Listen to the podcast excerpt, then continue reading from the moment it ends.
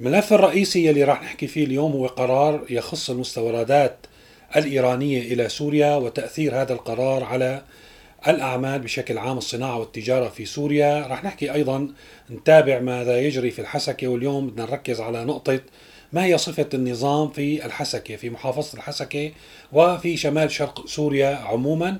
وبدنا نتابع أيضا القرار اللي طلع امبارح بتعطيل الجهات الرسمية بسبب نقص الطاقة في سوريا. فإذا مرحبا وأهلا فيكم باستعراض أحداث اليوم الأحد 23 كانون الثاني عام 2022 مثل ما شفنا الأحداث اللي صارت بالحسكة ظهور عناصر التنظيم فجأة وسيطرتهم على أحياء وتحرير سجناء من قلب مدينة الحسكة المدينة يلي تبعد عن كل تواجد معروف. يعني ممكن نحن نقول أنه هن موجودين في البادية على أطراف مدينة البوكمال جنوب نهر الفرات ولكن آه، ظهروا في قلب يعني منطقة آه، سيطرة قوات سوريا الديمقراطية.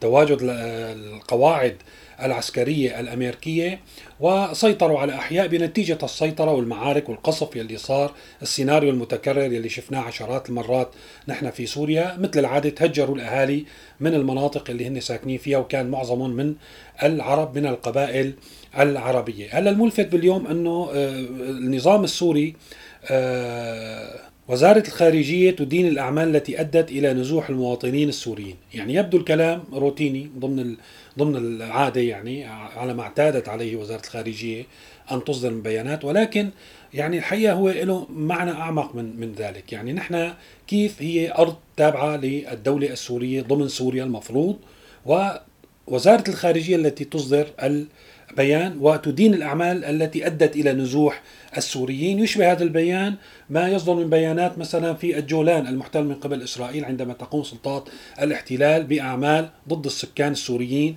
في الجولان. ويشبه بيانات آه، تجاه الشعوب التي يعتبرها النظام صديقة وحليفة مثل أرمينيا وفنزويلا لا يبدو الموضوع أو البيان أو هذا القرار أو هذا التحرك هو لأرض سورية مسؤول عليها النظام السوري. وطبعا ممكن نقول إيه تماما لأن هذه الأرض محتلة من قبل الولايات المتحدة الأمريكية والقوة المحلية المتحالفة معها اللي هي قوات سوريا الديمقراطية. طيب إذا كان الوضع كذلك لماذا على التوازي بنشوف في تصريحات لمحافظ موجود في الحسكة؟ يعني ما زال محافظ ليس مسمى عن عن مدينة الحسكة وإنما قائم بأعماله في مدينة الحسكة وهو يطلق تصريحات على التوازي بالتوازي مع إصدار هذا البيان حول أننا نؤمن مساعدات نؤمن مواد إغاثة إلى آخره. فإذا آه، هذه الحالة الشاذة الحقيقة أنه يمكن هي كمان أيضا حالة فريدة من نوعها في في العالم. نشهدها اليوم في سوريا. بين خارجية تصدر بيانات وكأن هذه الأرض خارج يعني الحدود السورية ومحتلة من قبل دولة أخرى. في نفس الوقت نرى بأن هناك محافظ لهذه الدولة ولهذا النظام في تلك المنطقة ولكن طبعا آه، هو محافظ بدون أي سلطات تقريبا تنفيذية في تلك المنطقة. الموضوع مشوش الحقيقة مشوش وغريب وأعتقد بأن التسمية الأنسب لوجود هذا المسؤول الذي يمثل النظام السوري في شمال شرق سوريا اليوم هو سفير النظام في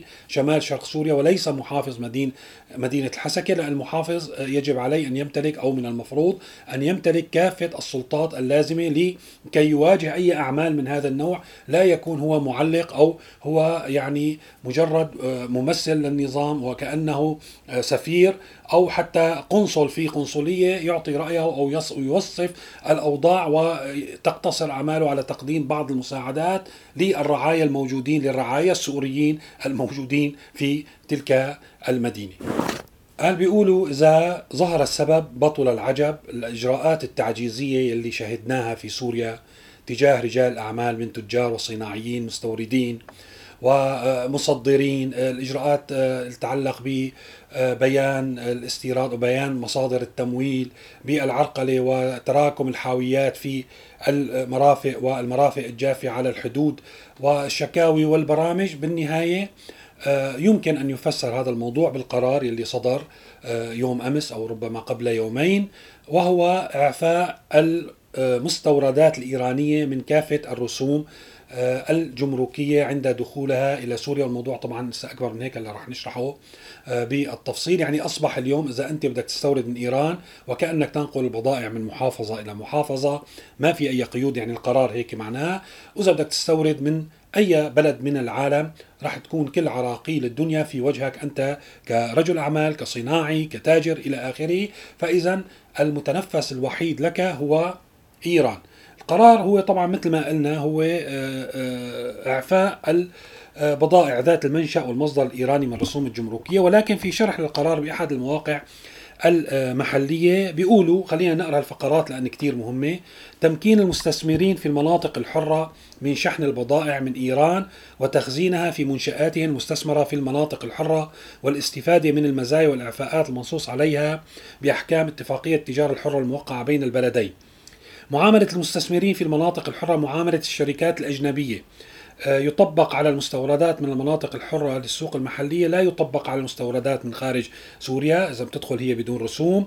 وعليه فإن المستثمر لا يحتاج أيضا إلى بيان مصادر تمويل مستورداته. مصادر تمويل المستوردات يلي عملنا عليه أكثر من تسجيل يلي هو بيفرض على المستورد أن يمول المستوردات من صادرات من سوريا إلى الخارج. إذا ما كان عنده لازم يشتري من مصدر ما بيجوز له يستعمل الرصيد الموجود له خارج سوريا. في حالة إيران هذا الموضوع غير مطلوب. منكمل بشرح الموقع المحلي للقرار تنشيط حركة التجارة لتكون المناطق الحرة أماكن تخزين هي مهمة استراتيجية وآنية للبضائع التي تحتاجها سوريا والدول المجاورة هي بلاها يعني ما كتير مهمة بالنسبة لنا من خلال قيام المستثمرين باستجرار كميات كبيرة وتخزينها في المناطق الحرة وبعدها يتم إخراج هذه البضائع أو الآليات إلى آخره من قبل المستثمر إلى خارج سوريا أو تلبية حاجة وهي المهمة تلبية حاجة السوق المحلية منها بشكل مباشر. معنى الحديث يعني هذه ثلاث فقرات يعني صار المستثمر الإيراني أو السوري الذي له شريك إيراني أو السوري الذي يستورد من إيران حصرا يمكن أن يأتي بيستخ... يعني يستأجر مستودعات ضخمة في المناطق الحرة ويستورد البضائع الإيرانية بدون رسوم جمركية ويطرحها في السوق المحلية بالتدريج بحسب حاجة السوق بدون أن يدفع أي رسوم على هذه العملية. بينما بينما إذا أراد أن يستورد من أي بلد من العالم فإن هذا عملية الاستيراد ستخضع لكل العراقيل اللي حكينا فيها أصبحت معروفة للقاصي والداني وأهمها هي موضوع بيان آه، تمويل المستوردات آه، استخراج آه، يعني حتى لا تحتاج إلى وقت تجيبها المنطقة الحرة لا تحتاج إلى إجازة استيراد حتى. بينما من أي بلد من العالم بدك تطالع إجازة استيراد بدك تعمل بيان تمويل المستوردات وما يعني العراقيل والصعوبات تبع تمويل القطع وإلى آخره وتأخير دخوله والتخليص الجمركي بحجج مختلفة. فاذا ما عاد في مجال للمنافسة بين أي بضاعة من أي مصدر من العالم مع البضائع الإيرانية. يعني صارت أصبحت هذه البضائع الإيرانية تملك ميزة تنافسية لا يمكن لأي بضاعة من أي مكان من العالم حتى لو كانت تهريب أن تنافس هذه البضائع الإيرانية وبالتالي سيتم إغراق السوق السورية بالبضائع الإيرانية. مهما كانت جودتها ومهما كان سعرها لن ينافس أحد بما فيها الصناعات المحلية. ليش بما فيها الصناعات المحلية؟ لأن الصناعات المحلية المستوردات اللي داخلة في هذه الصناعات المواد الأولية ومستلزمات الإنتاج هي مستوردة. يعني وتنطبق علي آه، موضوع آه، بيان آه، مصادر التمويل وكل الإجراءات الأخرى. فاذا أصبح لدينا منتج يعني وكأنه هو مثل ما حكينا بالبداية ينقل من محافظة إيرانية جاهز أو ربما يكون مستورد إلى إيران من منشأ آخر ويتم تغليفه على أساس أنه منشأ إيراني ويستخدم إلى سوريا على أساس أنه استيراد في مواجهة بضائع من أينما أردت أن تستوردها بما فيها المحلية. سيكون أمام كثير من العراقيل. وهكذا سيتحول السوق السورية إلى مزبلة لل آه، يعني مزبلة بمعنى أنه وقت إيران بتصدر لأي دولة ثانية بتخاف من المنافسه بس عندنا بسوريا ما في أي منافسة للبضائع فمعناتها شو ما طرحت بهالظروف الصعبة والناس ما ملاقي يعني في نقص وفقدان للمواد بكل شيء شو ما طرحت بهذا السوق راح ياخذوا السوق مجبر. والمواطن في هذه الحالة له الله لأن لا حول ولا قوة إلا بالله ما له غير أنه يقبل أنه يستهلك هذه المواد. وبالنسبة للتجار والصناعيين العوض بسلامتكم فيما يتعلق بدورة الاقتصاد السوري. الحقيقة القرار يلي صدر امبارح بتعطيل الجهات العامة بسبب نقص الطاقة في سوريا. ما أعطينا حقه هو قرار مهم ويستحق أن نتكلم يعني بالقرار ليومين آه، متتاليين خاصة أنه ذريعة اللي تم تسويقها يوم أمس بأنه هذا القرار اتخذ لحتى نوفر الطاقة والتدفئة للمواطنين في هذا الجو البارد. آه، على الأغلب أنها هي ذريعة مجرد ذريعة لن تطبق على أرض الواقع. آه، فقط شهدنا يعني يوم أمس كانت جمعة والسبت عطلة ولكن الأزمة كانت أشد على الناس كانت الانقطاعات الكهربائية أكثر. يلي كان عم يجي ساعة صار يجي نص ساعة يلي عم يجي نص ساعة كان صار يجي ربع ساعة. في مناطق خرجت عن الخدمة شهدنا كثير من يعني ما بعرف إذا هذا الشيء حقيقي إن كان حقيقي مصيبة وإذا ما كان حقيقي مصيبة أكبر. خروج آه، يعني انفجار خزانات تحويل آه، خروج محطات تحويل عن الخدمة في أكثر من من منطقة. آه، فإذا كان هذا الموضوع حقيقي فمعناتها نحن الشبكة عندنا متهالكة وما في منا أمل حتى لو يعني صار في عندنا موارد طاقة. وإذا ما كان حقيقي معناتها الحكومة تستمر في عملية الكذب والتسويف على المواطن السوري فيما يتعلق بالمازوت وتوفره بسعر 1700 ليرة يعني بالسوق بالسعر الحر عادة للمازوت. أيضا صار في مشكلة ما حسنوا الناس معظم الناس تحصل على المازوت حتى مع استعدادها لتشتريه ب 1700 مرتفع من 500 ليرة يلي هو السعر المدعوم لأن كان في ازدحام شديد على الكازيات. ووقفوا العمل بالبيع المباشر قال لا بدك ترجع على البطاقة الذكية اللي حكينا. أيضا في أكثر من مرة بمعنى إنه أنت أي مادة اليوم بدك تحصل عليها بسوريا أساسية بده يكون معك بطاقة ذكية. عم نحكي ونعيد لحتى الناس اللي عم يسمعونا جديد من خارج سوريا. هذه البطاقة الذكية لك حصة محددة فأنت بتسجل من خلال تطبيق على الهاتف.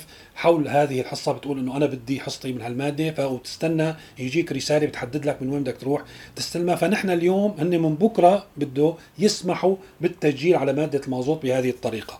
والعطلة كلها مثل ما حكينا يعني هلا راح منها ثلاث أيام بضل في أسبوع لأن هي ليوم الاحد القادم. ف بين ما يسجلوا الناس يعني ما أعتقد إنه كل السوريين راح يحسنوا آه، يحصلوا على موادهم ضمن هذه العطلة. فاذا ستنقضي هذه العطلة بدون أن يحصل السوري على أي امتياز. وهون هذا السؤال بقى يعني هون الأهمية في الموضوع. اذا لماذا أقرت الحكومة السورية هذه العطلة؟ ربما إنه هي أو على الأغلب هي حتى عاجزة عن تشغيل يعني نفسها تشغيل مؤسساتها والدوائر تبعها لم يعد لديها الطاقة الكافية لم يعد لديها الموارد الكافية لتشغيل هذه الدوائر والمؤسسات ووضعت ذريعة بالمواطن السوري الذي لم يستفد ولن يستفد بأي شيء. وراح نشوف آه، الأيام راح نتابع الموضوع نشوف إذا كنا غلطانين بهذا التحقيق المهم أنه نحن هي البادرة الخطيرة للغاية يعني ممكن أن تبشر بأن تتوقف أعمال الحكومة لفترات أخرى قادمة لأن هذا بوادر في العجز عن تأمين الموارد تشغيل الدوائر الحكومية. يعني هيك بنقرأ هذا الحدث لأن ما له علاقه الحقيقة بالمواطنين. فهذا الموضوع تعطل مصالح الناس. طبعا في كثير كان أصوات احتجاجات على العطلة بحد ذاتها لأن في القضاء في كثير من الناس بدها تسافر بدها وفي بعض الدوائر أعلنت إنه هي رح تداوم. ما بعرف إذا هذا الشيء رح يتطبق. ولكن الحقيقة إنه هذا آه، هو إنذار على إمكانية إصابة الدوائر والمؤسسات الحكومية بالشلل التام في المستقبل. هذا كل شيء بدي أحكيه اليوم. شكرا لمتابعتكم. ممكن تتابعوا أخبار إضافية على موقع سيريا نيوز أو شبكات التواصل الاجتماعي المرتبطة فيه. شكرا لجميع المتابعين والمشتركين في القناة وشكر خاص للمنتسبين لعضوية القناة وإلى اللقاء في تسجيل قريب.